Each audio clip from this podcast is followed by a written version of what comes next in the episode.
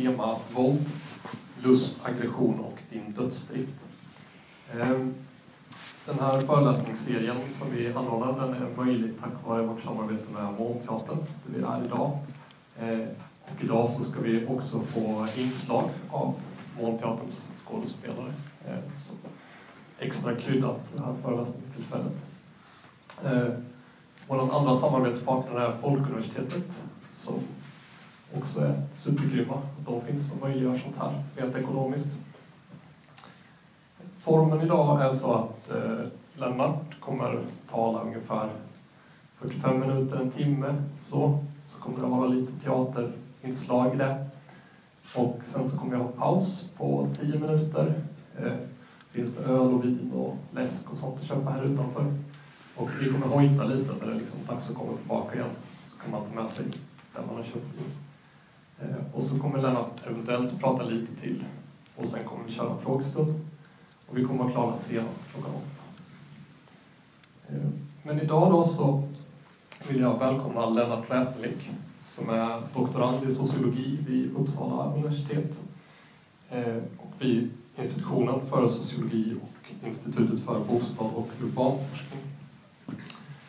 Lennart håller oss på att doktorera och den preliminära titeln på hans avhandling är Anatema, kärleken, hatet och medvarandets problem. Eh, den utgår rätt mycket ifrån Slavoj Zizek, filosof och psykoanalytiker, som vi bland annat har berört här på våra föreläsningar flera gånger innan. Eh, Lennart startade också tillsammans med Fredrik Palm, eh, som också är vid samma institution i Uppsala, Eh, sällskapet för lakansk psykoanalys som har arrangerat seminarier och så inom det ämnet i Uppsala. Eh, men idag, så välkommen hit och prata med oss. Tack så jättemycket. Eh, jag hoppas att jag hörs tillräckligt väl. Det tror jag nog att jag ska göra. Jo, jag tänkte börja med att säga några inledande ord om just de här styckena från Antigone som ni ska spela upp alldeles strax som någon sorts, vad ska jag säga, ett raster man kan lägga på det som spelas upp som en liten förståelseram för det som jag ska komma och prata om sen. Några riktpunkter liksom. Och för mig, när jag tänker på Antigone, ehm, och den ni kommer att se snart, är att Antigone blottlägger den destruktivitet som åtminstone alltid är förbunden med vår utsatthet som individer i en samhällsordning. Eh, men den visar också på Antigonas handlingar i pjäsen visar även på vår möjlighet att bryta mot det här samhällets imperativ. Men naturligtvis då också har ett pris, det har vissa konsekvenser att begå det här brottet. Ehm, och på många sätt så Antigones roll är vår egen utsatthet. Vi kan känna igen oss, kanske även i det vardagliga, i den här utsattheten inför en samhällsordning som hela tiden sätter upp krav och betingelser för vårt, vårt sociala vara. Eh, och en sak som jag tänker på spontant så här i relation till, eller så spontant är det inte, jag har papper här, men att, att eh, när Lacan säger att man inte ska försaka begäret så i relation till Antigone så handlar det om att, att följa begäret så som Antigone gör handlar väldigt mycket om att gå bortom varje garanti för mina handlingars mål och mening. Jag kastar mig ut i ett handlingssätt i förhållande till vilket jag inte vet liksom vilka konsekvenser det ska få. Ehm, och för mig handlar väldigt mycket det här mötet med vår nästa som jag ska prata om. Det handlar väldigt mycket om den här, den här situationen där vi tvingas eller nödgas kasta oss ut i relation till den andra ehm, bortom varje förgivettagen meningsfullhet. Och jag ska förklara vidare sen vad det där går ut på. Men just jag vill just betona den här utsattheten som föreligger i relation till den andra. Åtminstone när vi verkligen vill försöka ta henne på, på djupaste allvar. Och i Antigone så tar det här bejakandet av det egna begäret formen av att det är att bejaka det här ända in till döden. Eh, och Antigone ger ju uttryck för en sorts motstånd mot samhällsordningen, mot en patriarkal samhällsordning framför allt som inte endast säger åt henne att försaka sitt begär utan också att försaka sin vilja till att gå sin nästa till mötes till varje pris. Eh, att gå sin nästas unikhet till mötes till varje pris. Ehm, det är mina tankar så här liksom inledningsvis. Jag ska inte säga mer nu, men det är några så här fästpunkter för det som ni ska få se nu. Tack så mycket. Det var dramatiskt. Eh, alla dör i princip, som slutet på en Tarantino-film ungefär. Men eh, jag har en del att säga i relation till Antigone, även om den här föreläsningen är inte tänkt som någon sorts eh, grävande utredning av vad Sofokles säger i Antigone. Inte heller ska jag gå igenom pjäsen i detalj så, utan snarare när jag blev ombedd att, att välja, om jag kunde, någon sorts pjäs till det jag skulle prata om så tog jag just Antigone för att för mig så belyser det just det här som jag sa i början, den här grundläggande dubbelheten i samhället mellan individ och kollektiv, individ och samhällsordning, eh, individ och språk, individ och lagen. Hela tiden individens autonomi och frihet kontra de här övergripande sammanhangen som begränsar den här friheten, den här autonomin. Och Antigone är ju ett så älsklingsexempel i så många teoretikers diskussioner om, om psykoanalys, om, om relationen mellan begär och den övergripande samhällsordningen och sådär. Jacques Lacan, den här franska psykoanalytikern, pratar ju en hel del om Antigone i sitt sjunde seminarium. Zizek pratar mycket om det.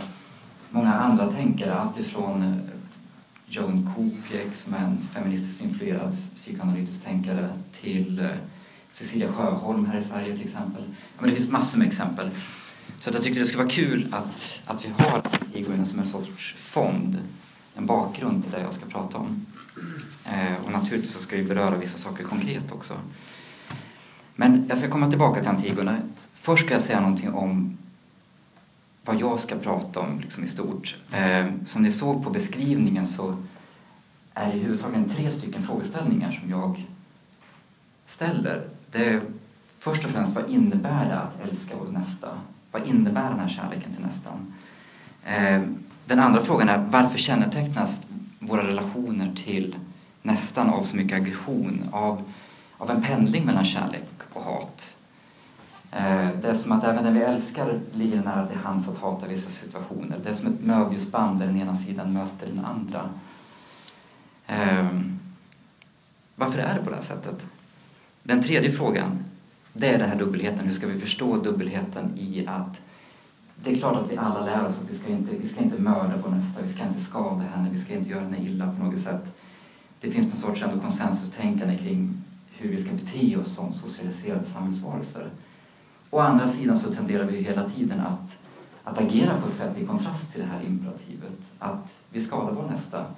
Vi kanaliserar aggression och sånt via, via stora historiska konflikter som, som krig till exempel. Eh, hur ska vi förstå dubbelheten mellan imperativet att älska nästan och vårt förhållningssätt som många gånger tycks peka på motsatsen? Det är de, det är de tre övergripande frågeställningarna som jag kommer att röra mig kring. Och eh, ja, för att säga någonting om premisserna för det jag ska prata om. Vad, vad, vad tänker jag på när jag pratar om psykoanalys? Vad menar jag med den andra och sådär? Eh, så när jag pratar om nästan, dels så menar jag ju nästan i relation av den konkreta nästan. Ni, ni är min nästa här. Ni är konkreta fysiska varelser som sitter där som jag har en sorts relation till. Min sambo hemma är min nästa i, i konkreta vardagliga sammanhang till exempel. Men jag kommer också att komma in på nästan, eller den andra om man så vill, i betydelsen av övergripande samhällsstrukturer. Språket, eh, ideologier, så de aspekterna som är överindividuella de är också någonting annat, en annanhet som jag förhåller mig till hela tiden. Om det verkar diffust nu så ska jag i alla fall förklara det tydligare sen. Vad det gäller psykoanalysen som jag ser det, för att slå någon sorts poetisk ton så handlar psykoanalysen för mig framförallt om att upplåta en röst åt tystnaden. Att, att hitta ett, ett sätt att artikulera det outsagda, outsägligheten som bor oss alla eh, i form av ja, men dolda motiv, känslor, saker och ting som är förkroppsligat i oss de här sakerna som hela tiden bryter mot den uttryckliga diskursen, mot medvetna språk, allt det här. Det finns någonting annat där bakom. Och psykoanalysen handlar ju i någon sorts grundläggande mening om att försöka hitta sätt att artikulera, sätta ord på det här som döljer sig under ytan. Ehm, och vägledare någonstans för det här är ju accepterat av Norman O. Brown, den här amerikanske eh, litteraturvetaren och psykoanalytiskt influerade filosofen har sagt. Norman Brown har sagt att vi behöver erkänna att historien formas inte huvudsakligen av förnuftets list utan minst lika mycket, kanske mest, av begärets list. Att tron på ett förnuft som ett jag, ett förnuft som kan få fullständigt herravälde över sig själv är till stora delar en illusion. Det är en orimlighet. Och den här, den här strävan till en fullständighet, till en sorts omnipotent omfamnande av världen, göra allting begripligt, få herravälde över både natur och människor. Vad ska man säga? Det, det är en sorts dröm om den slutgiltiga försoningen av oss själva och världen. Men precis som skatten vid slutet på regnbågen så är det en försoning och en dröm om försoning som hela tiden förskjuts på framtiden, på andra situationer.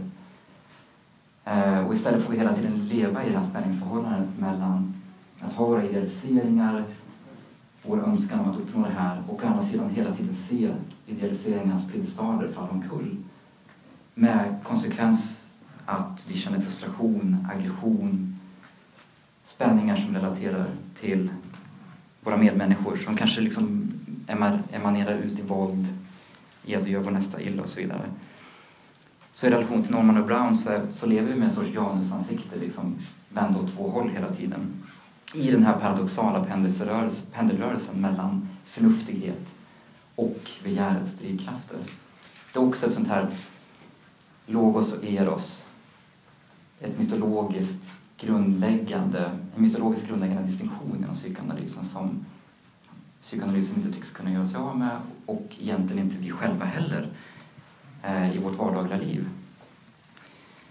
Och förståelsen av det omedvetna är någonstans kungsvägen för att börja förstå de här mekanismerna och processerna som ligger till grund för hur vi hela tiden hamnar i den här pendels, pendelrörelsen.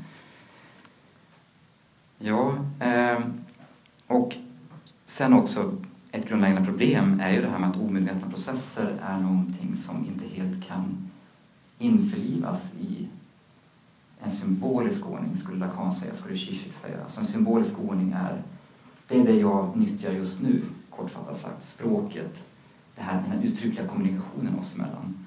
Men som sagt, som jag redan sa, de omedvetna processerna ryms ju inte i det här språket utan de ligger utanför dem. De svävar där de omedvetna processerna svävar som ett svart hål där som hela tiden ut, Eh, har en inverkan på oss. Deras gravitation på något sätt påverkar oss fast vi inte kan se dem. Och därför för mig, jag är ju sociolog egentligen, jag är, jag är ju inte psykoanalytiker och så, jag är en sociolog som använder väldigt mycket psykoanalys i mitt skrivande och så. Men för mig har det alltid varit så att fokus enbart på den symboliska kommunikationen är inte tillräckligt utan det krävs också en förståelse för den här outsägliga dimensionen. Att det seende som någonstans inte förstår att också se till den man kanske inte, som inte uttryckligen, den berövrar sin förmåga till djupseende.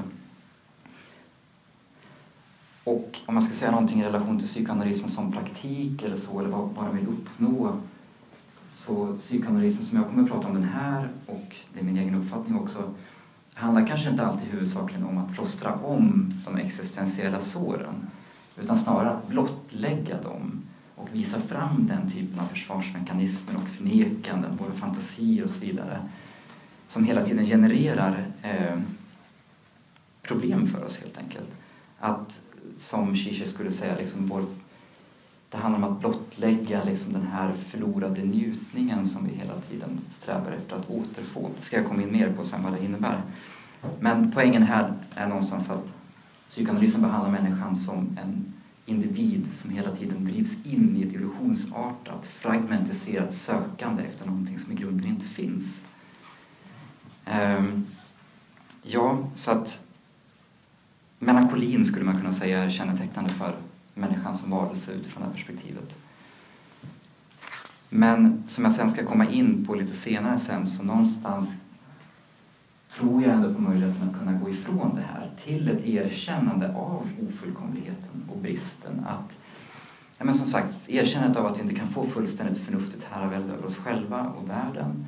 Att min, min nästa i en kärleksrelation aldrig kommer att kunna helt eh, leva upp till mina ideal och så vidare. Alla de här sakerna, att erkänna bristen, ofullkomligheten och så vidare, är nödvändiga steg i en frigörelseprocess från den här bundenheten till eh, bundenheten till den här strävan efter fullkomlighet som i grunden bara resulterar i destruktiva saker. Vad jag ska prata om ganska mycket, då, alltså det jag har här kan man säga är indelat i tre delar. Dels är det den här dubbelheten lite grann. Det allmänna existentiella problemet med att vi lever mellan hat och kärlek.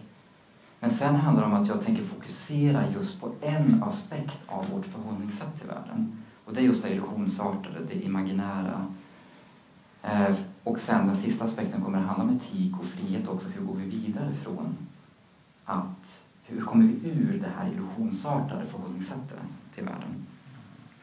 Nu har jag ingen whiteboardtavla här för jag tänkte inte jag skulle behöva skriva upp det men det är tre, alltså, tre moment i det jag ska prata om. Med andra ord. Om jag börjar med den här dubbelheten som ett sorts övergripande ramverk för vad jag pratar om. Så Freud pratar ju i eh, En illusions framtid om människans moraliska tillkortakommanden.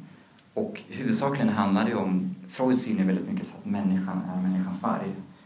Det här gamla, den här gamla grekiska aforismen om att människan är sin största fiende. Eh, vad, han tar, vad han menar med att människan är sin egen varg är hans sätt att belysa det här konfliktfyllda förhållandet mellan samhällsstrukturer och individen. Individens strävan till frihet och samhällsstrukturernas begränsning av individen. Och Logos och Eros som man pratar om där i en, framtid, en, en illusions framtid. Eh, jag pratar så fort så jag, jag snubblar på mina egna ord. Jag är ledsen för det, jag ska försöka prata långsammare. Eh, Logos och Eros som man tar upp som ett grundläggande begreppspar det handlar just om spänningen mellan individens önskningar och samhällets krav. Med andra ord, det här ni såg i Antigone-pjäsen. Eh, samtidigt så pratar vi för om att okay, den här repressionen, bortträngandet av ens egna begär, begränsningen av begäret, är ju också nödvändigt för att kunna bli fullt ut sociala varelser, bli samhällsmedlemmar. Vi skulle inte kunna ha ett samhälle som har som grundprincip en fullständig anarki utan för Freud i hans perspektiv så lyfter han ju fram behovet av en begränsning av människans begär. Men det är ju samtidigt en begränsning som hela tiden leder till problem. Den leder till neuroser, eh, till försvarsmekanismer för att skydda sig mot det faktum att samhällsordningen egentligen bara är en kompromisslösning. Den är ingen ultimatlösning. Ehm, så att kompromisslösningarna och neuroserna som en konsekvens är ju ett resultat av svårigheten att bemästra en i grunden outhärdlig tillvaro för Freud. Det är, det är en väldigt mörk pessimistisk bild som, som man kan dra ut ur Vi vantrivs i kulturen, En illusions framtid och så vidare. Men den här konflikten då är ju inte bara en konflikt mellan mig som individ och en yttre samhällsordning utan också en konflikt som jag insocialiseras in alltså jag tar in den typen av konflikt. Jag tänker inte gå in så, så noga på det här med liksom hur samvetet skapas av jaget utan jag tänker ta fram den kortfattade poängen bara att man någonstans socialiseras in och införlivar den här konflikten. Det blir en konflikt som bebor mig i mitt psykiska liv. Eh, och ja, poängen som jag har egentligen bara med att lyfta fram den här dubbelheten lite är ju den kulturella lösningen är inte ultimat. Den är en kompromisslösning. Men frågan här, den viktiga frågan i slutändan är ju har vi det här problemet för att det i grunden är ett olösligt existentiellt problem? Det är någonting som är universellt och vad ska man säga, naturaliserat. Det finns i oss, vi är så här som människor. Vi kommer alltid ha den här konflikten oavsett samhällsordning. Eller är det snarare så att vi ännu inte har lyckats förverkliga en samhällsordning som inte leder till den här bortträngningens problematik med neuroser och så vidare. Jag kan nog inte besvara den frågan fullt ut idag för det är en alldeles för stor fråga. Och det finns ju massor med olika tänkare som har gått olika vägar där. Vissa har resignerat, indignerat inför omöjligheten att kunna lösa problemet med att älska nästan. Andra har istället försökt liksom hitta någon sorts befrielse i ja, men allt ifrån Wilhelm Reichs eh, syn på en frisläppt, frisläppt genital sexualitet, alltså i relation till en samhällsordning. Då.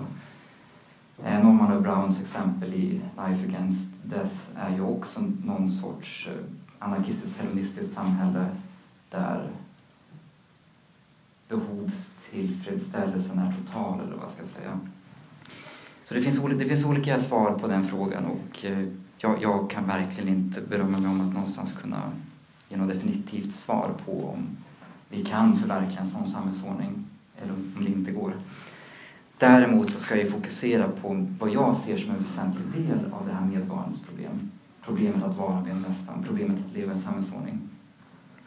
Och det är just att lyfta fram betydelsen av det imaginära sen, att vi betraktar den andra genom ett raster av min egen förståelse. Jag ser henne inte i hennes egen rätt och så vidare.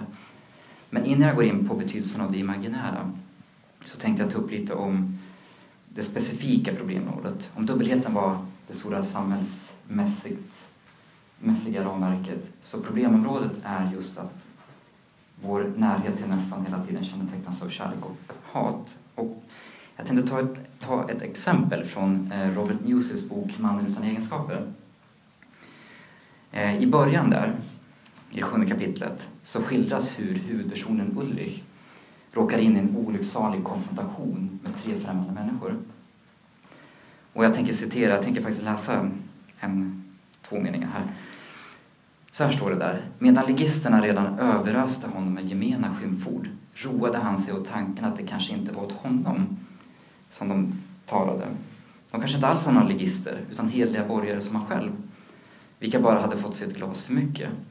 Av någon anledning hade de retat sig på hans person när de gick förbi och befriade från alla hämningar så laddade de ur sig eh, ett hat som alltid ligger latent, färdigt att som åskan bryta fram i atmosfären ut över honom och vilken främmande människa som helst som råkade gå förbi. Ty något liknande kände han själv ibland. Det här är visserligen ett fiktivt exempel, det är från skönlitteraturen. Det är en roman. Men för mig belyser det ändå något grundläggande med just vårt möte till vårt möte med vår nästa. Eh, just det här med att relationen till nästan så ofta tar den här oprovocerade aggressionen och våldsamhetens form. Eh, att, ja, men ofta liksom att vår nästas blotta existens är någonting som framstår som hotfullt. Nästan tränger sig på. Hon korsar min, min väg. Eh, det är många gånger jag tenderar att se att det här kanske egentligen bara är min uppfattning. Jag kanske har en väldigt pessimistisk syn på nästan. Men eh, jag säger inte att det alltid är så här. Jag säger bara att det många gånger ligger nära till hands att vi stör oss på den andra helt enkelt. Att de framträder som ett utifrån kommande hot, en överhängande fara. Eh, och det här blir ett problem i och med att nästan kan ju vara vem som helst. Det är den som jag för tillfället råkar leva sida vid sida med. Det är personen jag sitter med bredvid på tunnelbanan. Det är ni här. Det är min partner, det är min pappa, det är min mamma. Vad vet jag? Eh, och som den engelska litteraturteoretikern Terry Eagleton säger så är the neighbor is simply whatever stranger happens to have strayed into our presence. Den som bara råkar finnas i min fysiska närhet. Och här kan man ju förstå varför tänkare som Zizek och Lacan och så vidare använder just begreppet the neighbor för att beteckna det jag kallar nästan medmänniskan och så vidare. The neighbor skulle ju på svenska bli kanske grannen, men grannen är lite mer otympligt begrepp på svenskan för att det relaterar just till ja, men den jag bor vägg i vägg med i hyreshuset till exempel. Men the neighbor är ju ett begrepp som åtminstone i engelskan leder tankarna till just den här rumsliga närheten till min nästa. Det har en rumslig dimension. Och tillsammans med det här att, att nästan kan vara vem som helst då, som kommer i min närhet så har jag ett annat citat av den här äh, engelske författaren Chesterton som Zizek ofta refererar till. Chesterton säger ju att äh, Bibeln säger oss, åt oss att älska vår nästa men också att älska våra fiender. Och varför? Jo, för oftast är de en och samma person. Vår nästa och vår fiende. Och ja, alltså det för ju tankarna hela tiden till den här oundvikligheten som kännetecknar nästan. Och hela tiden behovet av att någonstans hitta sätt att begränsa utloppen för aggression, irritation. Det behöver inte vara våldsamheter men det kan ju ändå vara någon sorts animositet och åtminstone fientlig inställning till nästan. Ehm, och jag menar, vi kan ju kanske själva bara tänka på sådana här vardagliga exempel som ja, men, tänk på anblicken av ett ostädat tvättrum i huset till exempel. Eller någon som knuffar till mig på gatan till exempel. Eller någon som tränger sig i kön på ICA-affären. Eller tänk på irritationen vi kan känna när någon spelar hög musik i lägenheten bredvid. Lukten av cigarettrök som sipprar in genom balkongfönstret. Ja, men exemplen är ju, vi, vi kan ju hålla på i oändlighet och lyfta fram exempel. Men poängen är ju bara att jag vill försöka få fram det här att vi kanske känner igen oss i den här känslan av frustration, kanske till och med aggression, som lätt uppkommer i relation till den andra som vi känner tränger sig på oss, vare sig vi vill eller inte. Ja, eh, och det här kan ju dras hela vägen upp från den, den konkreta vardagliga situationen ända upp till situationen av politiska konflikter, krig, eh, förintelse. Det finns många exempel. Och det är klart att när man tar någon sorts, om man tittar på, på vår historia så är det klart att det ser ut väldigt mycket som ett panorama över enorma hemskheter och övergrepp mot den som har utgjort, utgjort vår nästa genom, genom historien. Och det är klart att vår nästas attribut, hennes egenskaper, eh, hur vi har uttryckt det här, vårt språk, den geografiska kontexten och så vidare har sett olika ut. Men det finns ändå en röd tråd av väldigt mycket våldsamheter i människans historia. Och det är väl den, den, historia, den mörka historiebilden som Freud har i, i vantrivselkulturen. Och jag tänker läsa ett kort citat av Freud också som är väldigt talande för vad det är för syn Freud har på nästan. Freud säger så här, vad människor är alltför villiga att förneka är att människor inte är fromsinta varelser som vill bli älskade och som främst försvarar sig om de blir attackerade. Nej, de är tvärtom varelser bland vars instinkter vi finner en omfattande aggression. Som en följd av detta utgör deras nästa inte blott en potentiell hjälpare eller ett sexuellt objekt utan också något som de frestas att utöva och tillfredsställa sin aggressivitet på.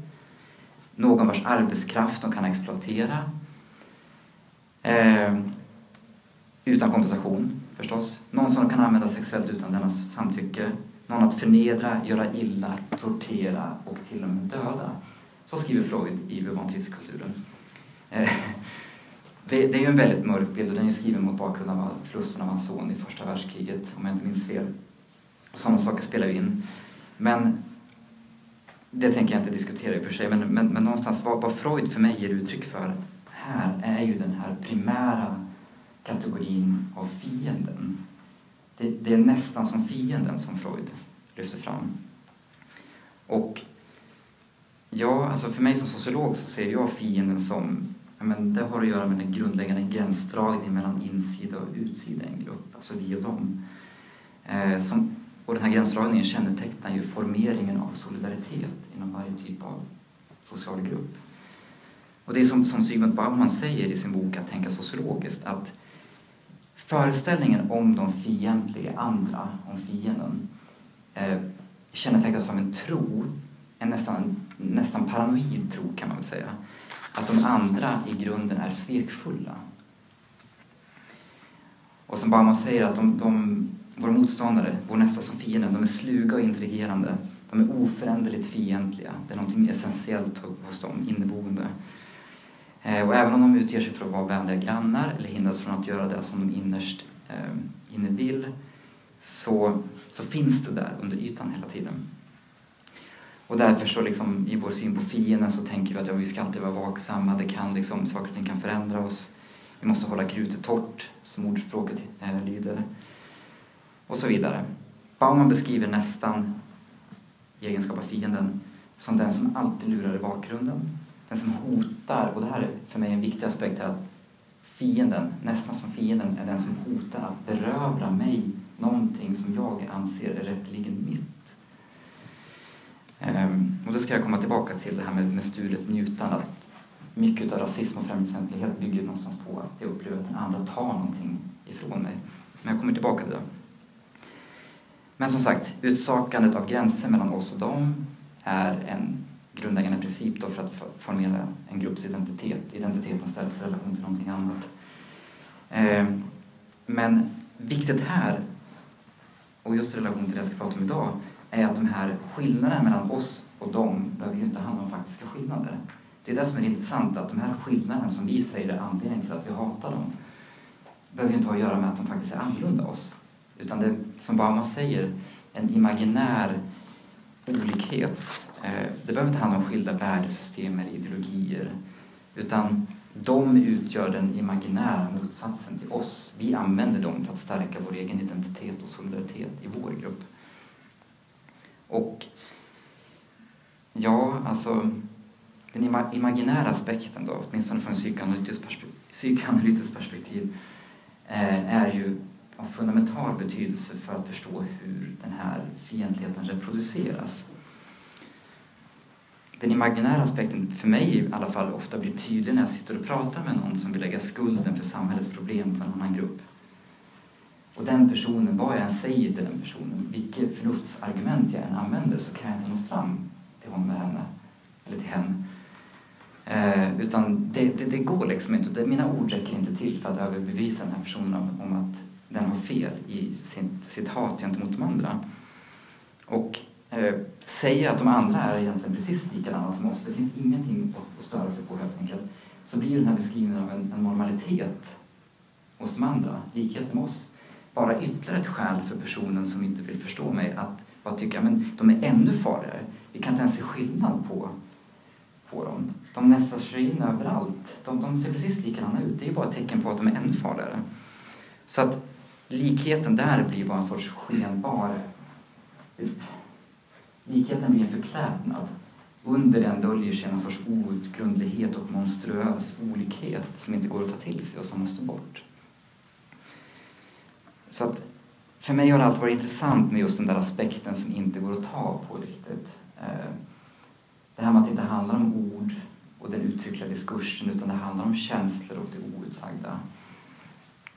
Och i relation till just det här exemplet jag tog nu med att förnuftsargument inte biter så tar ju Zizek, den här slovenske filosofen och psykoanalytikern eh, Slavoj Zizek, han tar upp, han tar upp betydelsen av det omedvetna när han säger att det element som binder samman en grupp, identifikationsprocessen i en grupp, eh, det är inte bara den symboliska identifikationen. Det är inte bara de ord vi sätter på oss, våra kategorier. Kategorier kan ju vara alltifrån men mamma, pappa, läkare, soldat och så vidare. Eller nationstillhörighet eller vad som helst. Eh, den uttryckliga identitetsmarkören är inte det väsentliga utan det finns någonting annat. Han pratar om att varje gemenskap det som i detsamma är gemenskap inkluderar även det delade förhållningssättet till ett ting. Ett ting för Zizek är ju en sorts överindividuell fästpunkt i en gemenskap. Ehm, ett, ting, ett bra exempel på ett ting är ju vår föreställning många gånger om vår livsstil. Och det är ju en del av en rasistisk diskurs många gånger att man skiljer mellan vår livsstil och deras livsstil som antas vara någonting totalt annorlunda. Ehm, vi binder upp känslor och förväntningar och identiteter kring den imaginära föreställningen om vår livsstil och ställer den i kontrast till deras annorlunda livsstil, deras andra sätt att leva. Och vi ser vår livsstil som utsatt för angrepp av deras sätt att leva sina liv. Men eh, livsstil är inte heller hela poängen för Zizek. För att tinget kan inte reduceras till att bara vara en uppsättning uttryckliga värderingar. Utan det handlar om tro för Zizek i grunden. Alltså att vi måste tro på tinget. Vi måste tro på exempelvis det här med att livsstilen vi har är bättre än deras. Eh, och vi måste också tro på att andra tror på det här tinget. Det är precis som med med Zizeks exempel är ju den heliga ande inom kristendomen. Det, det är på precis samma sätt att den heliga ande eh, inom kristendomen är ju Tron på den är inte beroende av externa omständigheter. Det spelar ingen roll om man, om man ska försöka bevisa eller inte bevisa den. Det, det, det är liksom inte någon sorts empirisk verifiering som är poängen utan det räcker med att gemenskapen tror på dess existens för att den helige Ande ska existera. Och det är någonting som så att säga är utmärkande för alla typer av imaginära föreställningar som vi binder upp eh, någonting emotionellt till. Alltså den här saken är en sorts effekt kan man ju säga av våra ideologiska praktiker. Vi gör det här tinget hela tiden. Genom vårt sätt att förhålla oss till verkligheten så skapar vi det här hela tiden. Genom vårt sätt att prata, genom våra trosföreställningar, ideologier, värderingar och så vidare.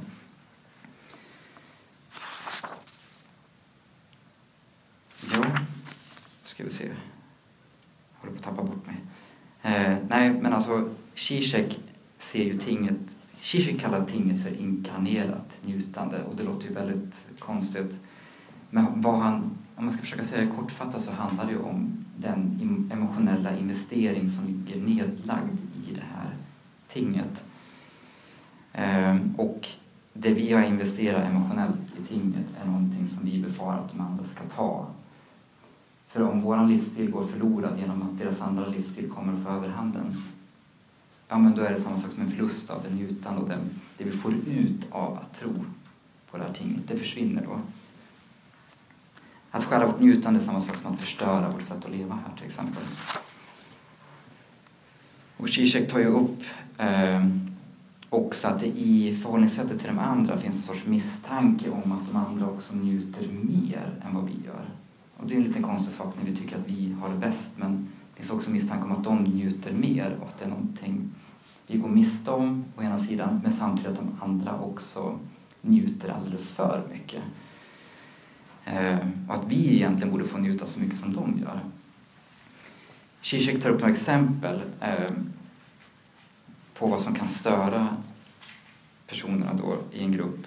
Och det kan vara Alltså det här, det här blir ju, det är ju på samma sätt som en, en främlingsfientlig person eller en rasist resonerar. Den stör sig på lukten av deras mat, på överflödet av deras sånger och danser, på deras språk, på deras inställning till arbete, allmänt märkligt beteende. Alla de här sakerna är ju väldigt kännetecknande för en, en person med rasistisk inställning till en annan grupp.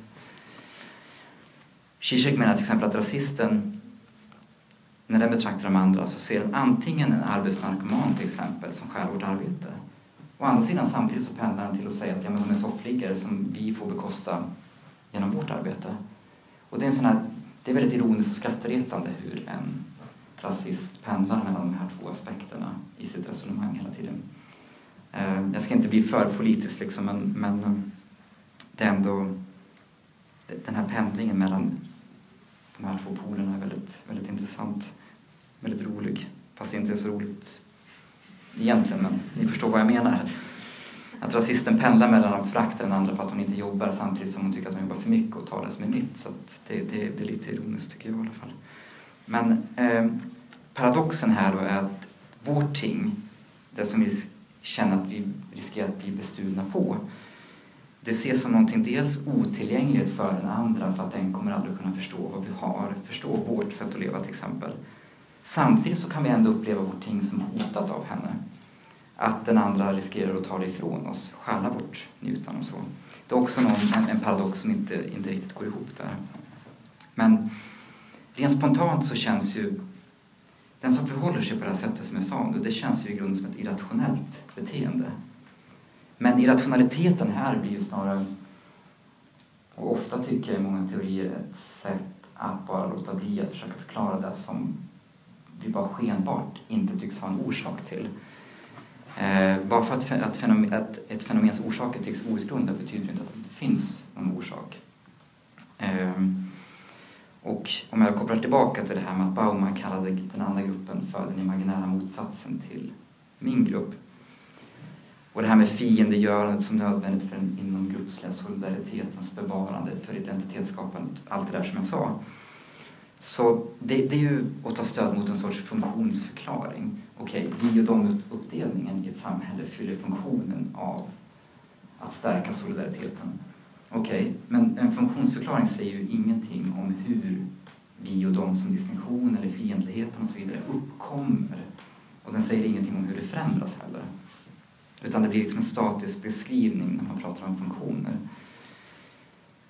Så att vad jag tänkte försöka ge någon sorts bild av alldeles strax är just de här socialpsykologiska, utifrån ett psykoanalytiskt perspektiv, de socialpsykologiska förutsättningarna för en viktig beståndsdel i varför fientlighet uppkommer i relation till de andra.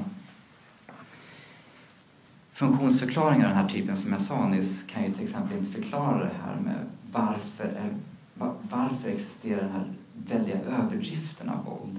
Varför det här njutandet?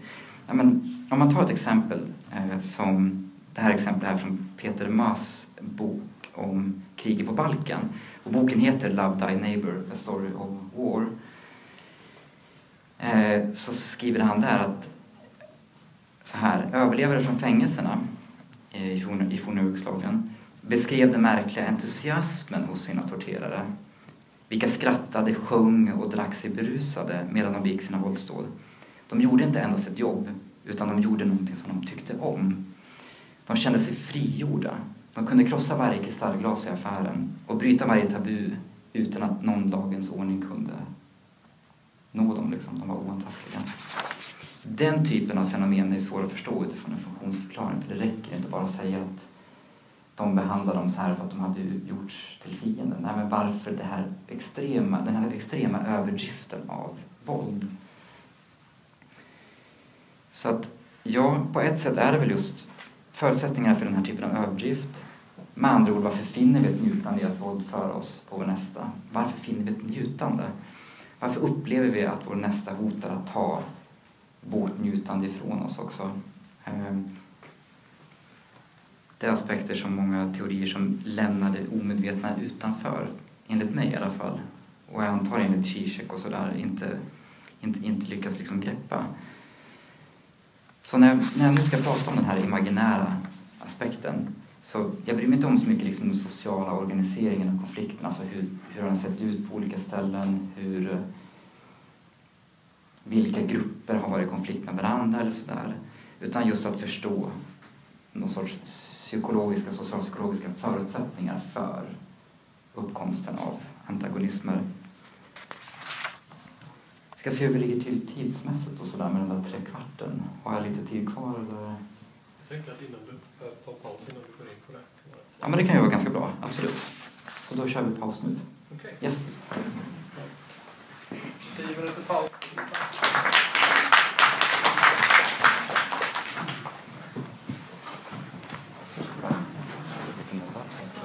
Okej, välkomna tillbaka.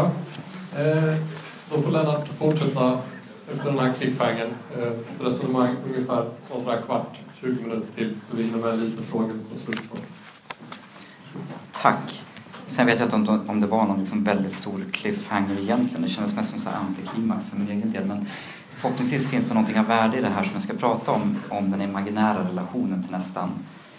Eh, och ska försöka skippa lite av det jag har här som blir för omfattande, liksom, som jag har svårt att hinna med. Jag skriver alltid för mycket föreläsningsanteckningar, bara så att ni vet.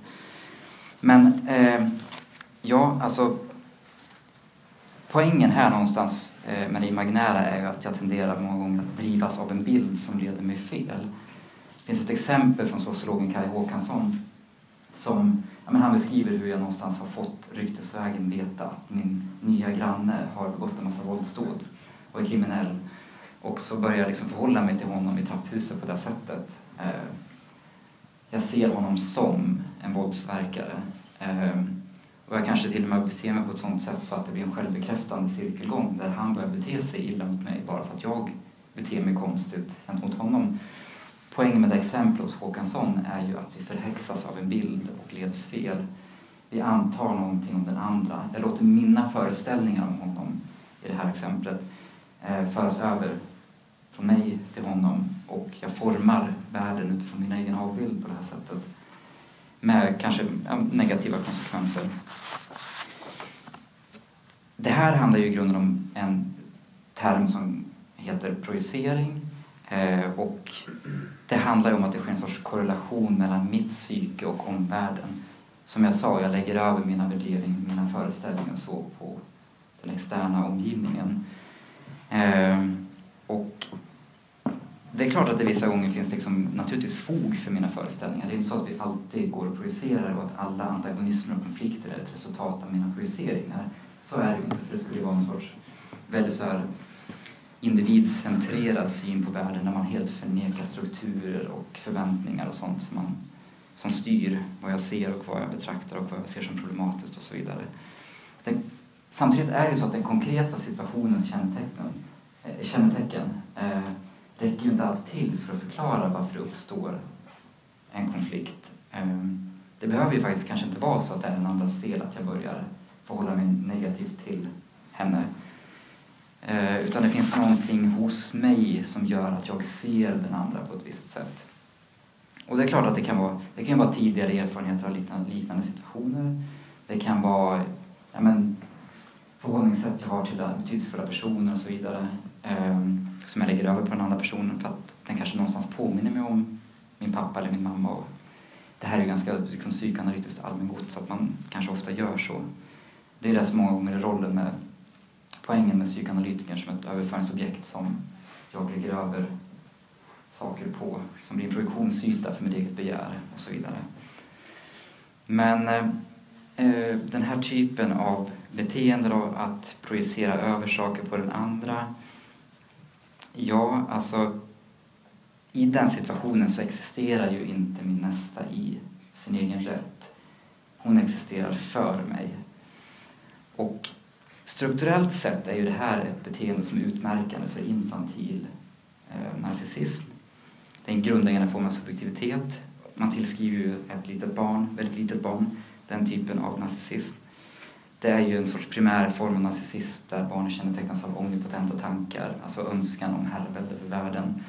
Eh, det finns ingen, det är en metaforisk beskrivning naturligtvis, men eh, jaget är det primära kärleksobjektet framför alla andra objekt. Och narcissismen kan ju, den här primära narcissismen kan ju särskiljas från autoeroticismen som föregår det stadiet. Autoeroticismen handlar ju om ett stadium där jaget finns inte, det finns ingen urskiljbar enhet hos individen. Det finns ingen övergripande organisering av ens drifter, alltså de har inte kommit i kontakt med en social ordning och formats i relation till den ännu. Barnet uppnår tillfredsställelse under den här perioden utan ett externt objekt. Alltså den kan få tillfredsställelse genom sig själv, helt enkelt. Den förhåller sig inte ens till en föreställning om sig själv som en enhet. Alltså allt det här är ju som någon sorts liksom retroaktivt i efterhand gjort antagande om hur en grundläggande subjektivitet ser ut naturligtvis. Men jag tar det ändå som utgångspunkt just för att det är ett, det är ett vanligt psykoanalytiskt antagande. Men ja, intressant i relation till det här med att... Eh, nej, vi skippar den. Poängen här i alla fall är någonstans just det här med att det finns ett tillstånd där det inte finns någon urskiljbar enhet. Det är på ett sätt både en fragmentisering, för det finns ingen enhet, och samtidigt en öppen gränslöshet mot världen. En plasticitet.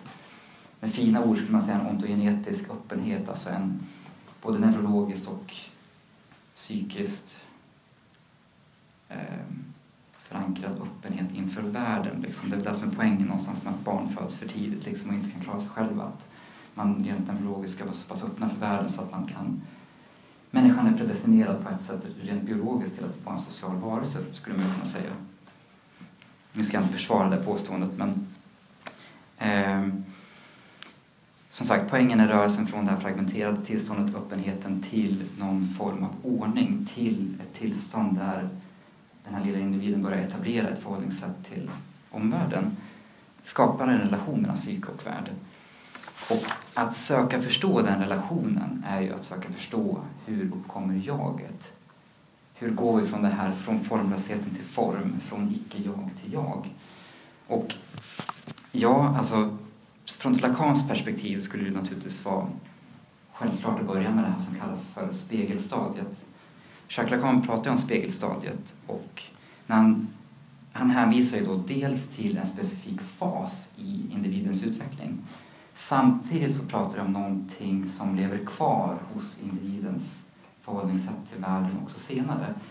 Alltså i spegelstadiet när man är liten så skapas en, en permanent subjektivitetsstruktur, en del av den subjektiviteten man har som vi, vi, vi får dras med den helt enkelt. Ehm, ja, alltså spegelstadiet betecknar den period där en föreställning om jaget börjar utvecklas genom att individen identifierar sig med sin egen spegelbild. Och ja, barnet ser i spegeln en enhetlig kropp som kontrasterar väldigt skarpt mot den här självupplevda fragmenteringen. Jag menar, till och med när jag står här och pratar, jag har ingen enhetlig föreställning om mig själv. Huvudsakligen nu så är jag ett, ett ångestknippe liksom och nervös och jag är trött och jag, jag ser mina händer och jag hör mina ord. Jag har mestadels en röst i mitt eget huvud som ekar genom högtalarna. Men eh, enheten ser ju ni, jag ser bara fragmentisering. Så det är klart att den här typen av förhållningssätt finns hos mig likväl som det fanns hos mig när jag var ett spädbarn. Så att någonstans är det en del av subjektivitetens förhållningssätt till omvärlden. Att inte vara enhetlig, att uppleva sig fragmentiserad. Men hur som helst, för Lacan, när barnet ser helheten, enheten i spegeln så ger det en sorts lyckokänsla för att det är ju ett, att se sig själv, jag är det där, jag gör det här, jag kan påverka det som jag ser i spegeln det är ett sorts bemästrande, ett herravälde över min egen kropp. Um, ja, samtidigt så skapas ju för Lacan en aggressiv spänning mellan mig och min bild. Han beskriver egentligen det som ett sorts ensidigt svartsjukedrama som jag har med bilden av mig själv. Ehm, och det här är ju någonting som sen bara kan lösas. Spänningen kan bara upplösas genom att jag identifierar mig med bilden. Men för att jag ska sluta se en rivalitet mellan mig och bilden så är det klart att det kräver att någon människa i min omgivning betecknar bilden som jag. Jag är det där också. Okej, det där är jag. Jag kan fortfarande inte erkänna helt att jag skiljer mig. Min självupplevelse skiljer sig från enheten i spegeln. Men jag får helt enkelt acceptera det för att alla säger åt mig att det där är jag. Så att ett förnekande av skillnaden mellan bildens enhet och min fragmenterade självupplevelse är nödvändig för att någon sorts rudimentär identifikation ska påbörjas. Så identifikationen med bilden innebär ju med andra ord ett upphävande av främlingskapet här. För att först framstår ju bilden som främmande också för att jag känner inte igen mig. Jag känner aggression mot det här andra som verkar så enhetligt. Men det upplöses genom ett igenkännande i mig själv att det här främmande också är jag, kan man ju kanske säga. Och som sagt, språket och den vuxnas, vuxnas bekräftande av att det här är jag är väldigt viktigt. Men jag ska komma tillbaka till språket sen. Eh, ska vi se, skippa det där. Spegelns bild är för Lacan ett kan man säga, enheten i spegelbilden är vad Lacan skulle beskriva för ett ideal-jag en imago, skulle Freud säga. Det är ju för, för Lacan också. Men en imago, eller ett ideal-jag här då, är en sorts prototyp, prototypisk bild för mig. Av mig. Och det är en prototypisk bild som jag tar till mig och som kommer att ha en bestämmande inverkan på hur jag uppfattar mig. Den kommer att bli en representation för mig. Den blir en gestalt med, med vilken jag identifierar mig med och den kommer att tjänstgöra som en sorts utgångspunkt för det mer avancerade jag som kommer sen. Men den kommer också vara vägledande för hur jag förhåller mig till andra människor. Jag har fått en sorts utvändig blick på mig själv som också blir styrande för hur jag betraktar andra som faktiskt finns där ute. Andra människor i min omgivning. Ehm, samtidigt är det ju det är inte bara den fysiska verkligheten som är det viktiga. Alltså, hur ser det ut i spegeln? Hur ser jag ut? vad är min kroppsrörelser? Utan också de känslor och föreställningar och fantasier jag binder upp till mitt betraktande.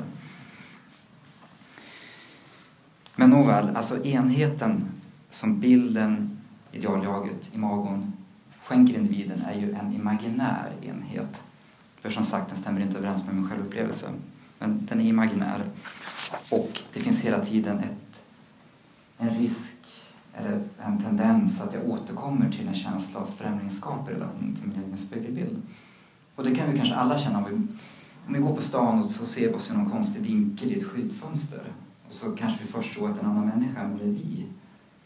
Det kan vara ett exempel på ett, att det här, den här känslan av ett allestädes närvarande främlingskap i oss, det finns kvar där hela tiden. För Lacan så ger ju det här främlingskapet ofta upphov till en frustration och aggression. Jag blir irriterad på att jag inte helt överensstämmer med mig själv, helt enkelt. Eh, så det är inte bara ett eftersträvansvärt ideal. Alltså alla säger åt mig att det där är jag. Alltså, okay, jag borde identifiera mig med, med det där som någon säger åt mig att det är. Utan det är också ett hot mot mig. Just för att det är ett hot för att det aktiverar den här känslan av främlingskap. Det, det, det, det, lyfter fram att jag egentligen är desintegrerad och fragmentiserad. Att jag inte är riktigt så enhetlig och hel som jag tror att jag är. Men som sagt, för Lacan, det som grundläggs här det blir en bestående del av individens subjektivitet.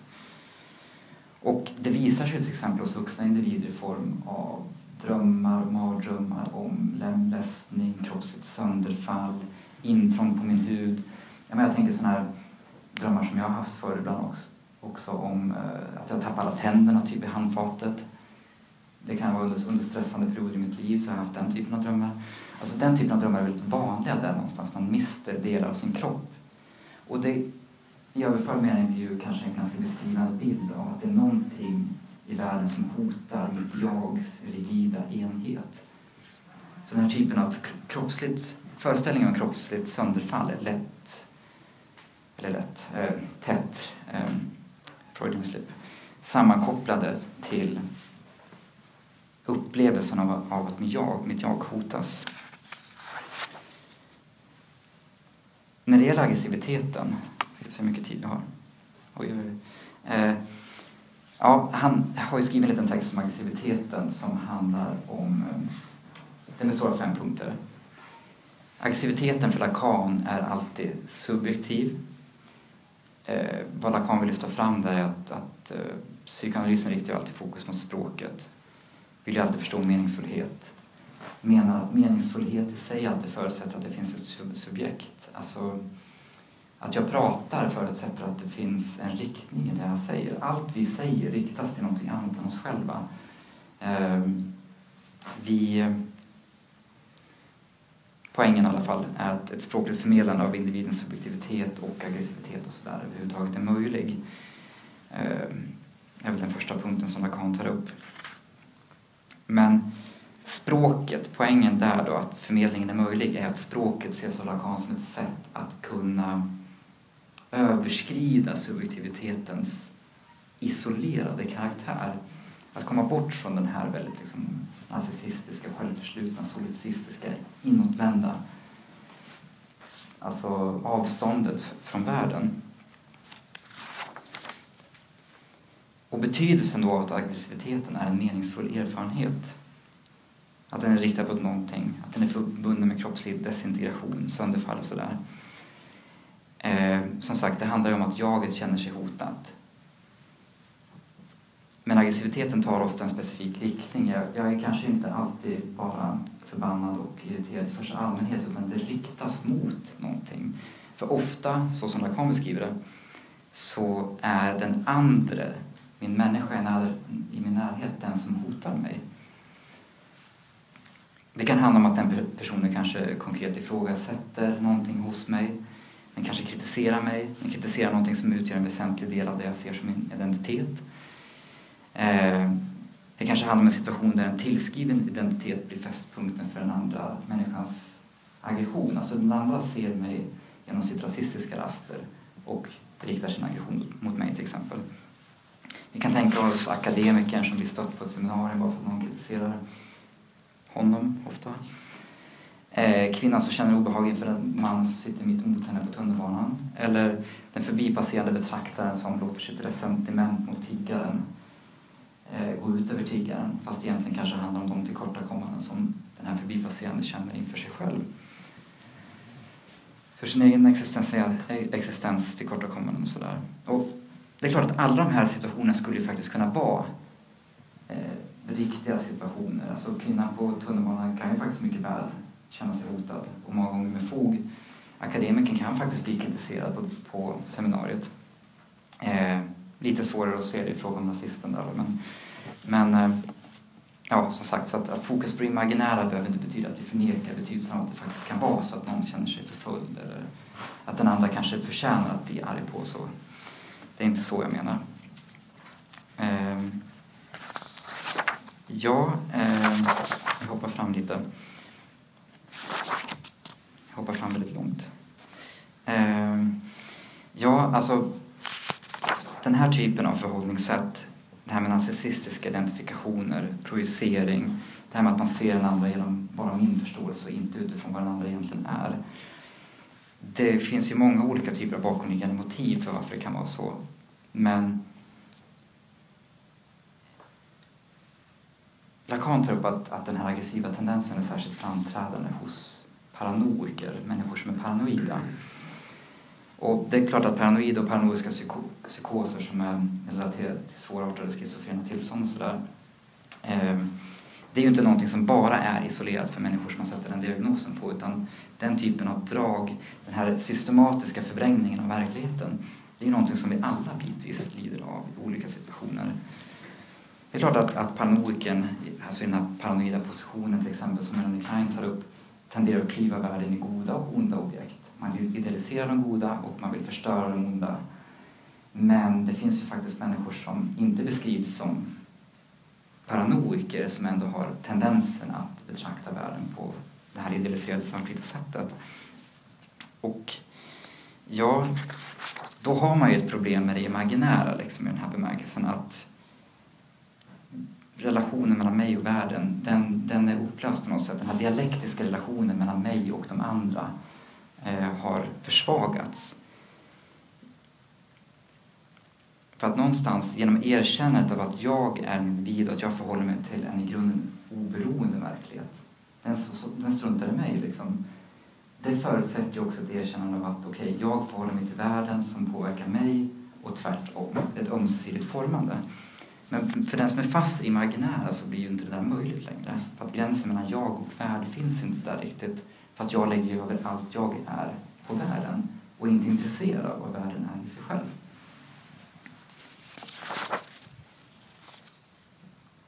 Ja, det är klart att det här med imaginära förhållningssättet är grunden till empati och omtagande och sånt där. Att det är klart att det någonstans börjar med att förstå min nästa genom att, att förstå den utifrån mina, mina egna erfarenheter och egna upplevelser och kunskap och så.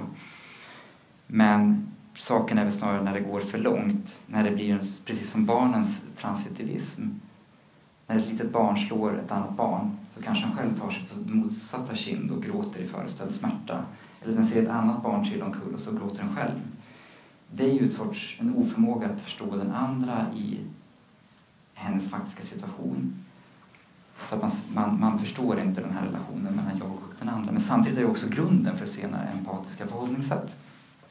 Så man får inte glömma bort att det här imaginära jag pratar om är ju någonstans, åtminstone tidigt i ens utveckling, grunden för förmågan att förstå och förhålla sig empatiskt till den andra. Eh, svårigheten som Lacan tar upp är ju just det här med att om man nu har det här svartvita synsättet, hur ska jag kunna förhålla mig till den andra utan att vilja förgöra henne eller ta henne till, sig, till mig enbart på mina villkor? Jag får helt enkelt hoppa över lite resonemang sen, men jag tror inte sitt, vår diskussion blir lidande av den riktigt. Eh, vilket tyder på att jag är en dålig akademiker. Men att hur... Vart ska vi ta vägen någonstans liksom, med den här kunskapen om att vi alla kännetecknas av ett imaginärt förhållningssätt som barn. Vi tar det med oss när vi blir äldre. Våra relationer nästan tenderar att kännetecknas av det. Jag menar, hur ofta har vi inte varit i en kärleksrelation till exempel där vi hela tiden idealiserar den andra på basis av vår, vår syn på henne eller honom eller vad vet jag. Ehm, den andra existerar inte i sin egen rätt där och så, och så vidare. Och så vidare. Det är ju ett imaginärt förhållningssätt på det här sättet som jag har beskrivit. Ja, alltså... För mig känns det som att man måste ta fasta på det här med självkännedomens betydelse. Alltså, det känns som att den här insikten om det imaginära förhållningssättet kulminerar i insikten att fientligheten ofta bygger på en bristande förmåga att se vår nästa i hennes egen rätt och en svårighet i att förhålla oss till hennes olikhet. Ehm, vi tenderar att se den där olikheten, och likheten för den delen också, som ett hot mot vårt jags sammanhållning. Så att det imaginära har dels en given och nödvändig plats i vår utveckling men sen är det ju också någonting som vi lever med nu och som driver oss in i självbedrägeri och illusioner. Så att i den mån vi kännetecknas allt för mycket av imaginära förhållningssätt så hindrar vi ju möjligheten till en uppkomst av genuina möten. Ehm, samtidigt så hindrar vi vår egen självkännedom i och med att självkännedom och, och att förstå sig själv kan vi bara göra i relation till något annat än oss själva. Ingen kan förstå sig själv på, bara utifrån sig själv utan vi behöver andra människor för att se oss själva, för att förstå oss själva, för att relativisera våra erfarenheter och så vidare. Och det är klart att, som sagt, när, när man ser världen imaginärt så blir det ju att man står ofta huvudet in i verklighetens vägg. För att det är klart att världen låter sig inte reduceras till en passiv projektionsyta.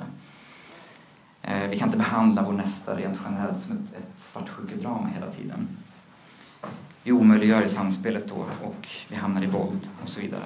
Så att nästan tränger sig på. Vi tvingas konfrontera henne. Vi tvingas ut ur vår solipsism och isolering. Så att nästans närvaro blir ju en fråga för mig som avkräver mig ett svar. Den här frågan som den andra ställer mig egentligen antar ju karaktären av en provokation, en, en, ett hot, ju mer vi brister i vårt ansvarstagande. Ju mer vi, vi inte är förmögna att gå ut ur den här narcissistiska identifikationens självbekräftelse hela tiden. Vårt svar blir ju till ett icke-svar gentemot den andra när vi inte kan gå ut ur vår egen narcissism, bortom våra imaginära föreställningar. Så att för att ansluta till titeln på det här eh, som jag pratar om så tänker jag på filosofen Maurice Blanchot som sa att den andra som närstående är relationen jag inte kan stå ut med och vars närmande är själva döden, den dödliga närheten. Och den här döden som han beskriver är ju egentligen hotet om jagets upplösning. Och den föreligger ju alltid som en risk i relation till vår nästa. Jag, menar, jag bara tänker på hur mycket jag i början varit helt förtvivlad över hur min sambo när jag träffade henne eh, vart raserad som akademiker. Liksom jag fick ju montera ner min akademiska högfärd och min, min narcissistiska inkrökthet i mig själv och min överdrivna värdering av akademisk kunskap och så vidare. Det var ju en nödvändighet för att kunna möta henne som människa. Och det är ju en sorts död. Jag, jag dödade ju någonting i mitt förhållningssätt som jag nu är tacksam för att jag tog bort. Men det var ju en upplösning av bitar av mitt jag som var nödvändig för att jag skulle kunna ge något mer självkännedom. Och det är klart att precis som Zizek beskriver den här typen av möten så är det ju ett traumatiskt möte. Det är ett trauma att bli tvungen och nödgad att upplösa bitar av sitt jag på det här sättet. Att sätta sin existens, existens på spel eh, för att kunna införliva den andra i min förståelse. För att min nästa ska kunna liksom bli verkligt meningsfull. Men som sagt, om vi får oss imaginärt så tenderar vi att reducera den andra till en fetisch. Till någon som bara existerar för att jag ska kunna självförverkliga mig. Det är inte det jag pratar om utan just att gå bort från det här med att vi vill fylla vår egen upplevda brist genom den andra. Ehm, så vad vi söker efter är att göra rum i vår rationalitet för det vi inte har begrepp för. Vi söker liksom efter att ta den här grekiska aforismen känn dig själv på allvar. Och det här närmar sig naturligtvis eh, kärlekens möjlighetsvillkor. Så att innan ni blir förtvivlade på att jag drar över tiden så ska jag säga någonting om den kärlek som jag ändå ser att det här överskridandet av det imaginära mynnar ut i. Och det är ju, vad jag, vad jag menar när jag säger kärlek så menar jag inte ett omfamnande av varandra baserat på våra uttryckliga kännetecken. Alltså du är det här, du är hipster, du gillar LP-skivor, du gillar Mario Bros eller vad vet jag. Liksom. Inte, inte de kännetecknen, för det blir lätt att det stannar inom den egna narcissismens gränser. Utan när jag pratar om kärlek här så menar jag snarare att det ska, det ska vara någonting som, och det är ju Zizeks uppfattning jag naturligtvis refererar, det handlar om ett accepterande och ett erkännande av varandras omänsklighet och nöd. Kärleken handlar ju då inte om sympati eller universell filantropi, vi ska inte älska hela världen, utan ett erkännande om att det som jag tycker gör en annan så horribelt icke älskvärd för mig, det finns ju också hos mig, i den andras ögon. Så att om vi vänder på det skulle man kunna säga då utifrån Zizek att varje ny kärlek som är någonting annat än narcissistisk självkärlek som förmår sig bryta sig ut ur det imaginära eh, det innebär en konfrontation med det icke-älskvärda i mig. Och när jag flyr från den andras icke-älskvärdhet så flyr jag också från mig själv. Det är lite den typen av kärleksbegrepp som den här att bryta sig loss från det imaginära mynnar ut i. Men om jag däremot sitter fast i det imaginära, och då speglar jag mig ju bara i min nästa. Avståndet upprätthåller den här imaginära föreställningen om likhet. Men drömmen om likhet blir ju omöjlig ju närmare jag kommer den andra. För jag kommer ju se att det mest intima i slutändan kommer också vara det mest främmande. Och här i vilar väl det mänskliga medvarandets traumatiska dimension. Och det är just det här som den här olikheten, den här allra mest intimt främmande som narcissisten inte kan tolerera. Jag menar, en nästa som existerar i sin egen rätt som någonting främmande som jag aldrig kan förstå. Jag tänker på inledningen i Gillian Flynns eh, Gone Girl till exempel. Att hon skriver där att en av de vanligaste frågorna i relationer är Vad tänker du? Ja, men den här oåtkomligheten hos den andra som jag aldrig kan få något svar på, att uthärda den, det outsägliga, att, det, att jag aldrig, det kommer aldrig kunna bli mitt helt och hållet. Det kan ju narcissisten aldrig tolerera. För att i sitt imaginära förhållningssätt så smider sig den här egologiska betraktaren allt djupare in i ett sorts självpåtaget ensamhetens fängelse.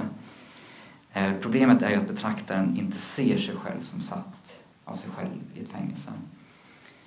Och för att, för att hänvisa till några ord av Michel Houellebecq, han skriver att vi är ett ting bland ting, ett ting skörare än ting, ett mycket fattigt ting, alltjämt väntandes på kärleken, på kärleken eller metamorfosen. Och liksom all, ständigt väntande må ju narcissisten vara, men aldrig på sin medmänniska utan alltid på sig själv. Så alltjämt vandrande, men inte mot lyckan utan alltid mot en ständigt förskjuten och förflyktigad lycka. En alltid undflyende förvandling. Och det är ju den stora tragiken på något sätt. Men förhoppningsvis i det jag beskriver så finns det också en, en insikt om att vi kan gå ur, bort från den tragiken. Men som sagt, jag har ju bedrivit analys och inte terapi så jag har inga slutgiltiga svar. Men hoppas att ni ändå har kunnat tagit till er någonting av det jag har sagt, även om jag pratar för fort och är för akademisk. Jag riskerar att snubbla på mina ord, men tack så mycket för att jag fick komma hit och prata i alla fall. Tack så mycket.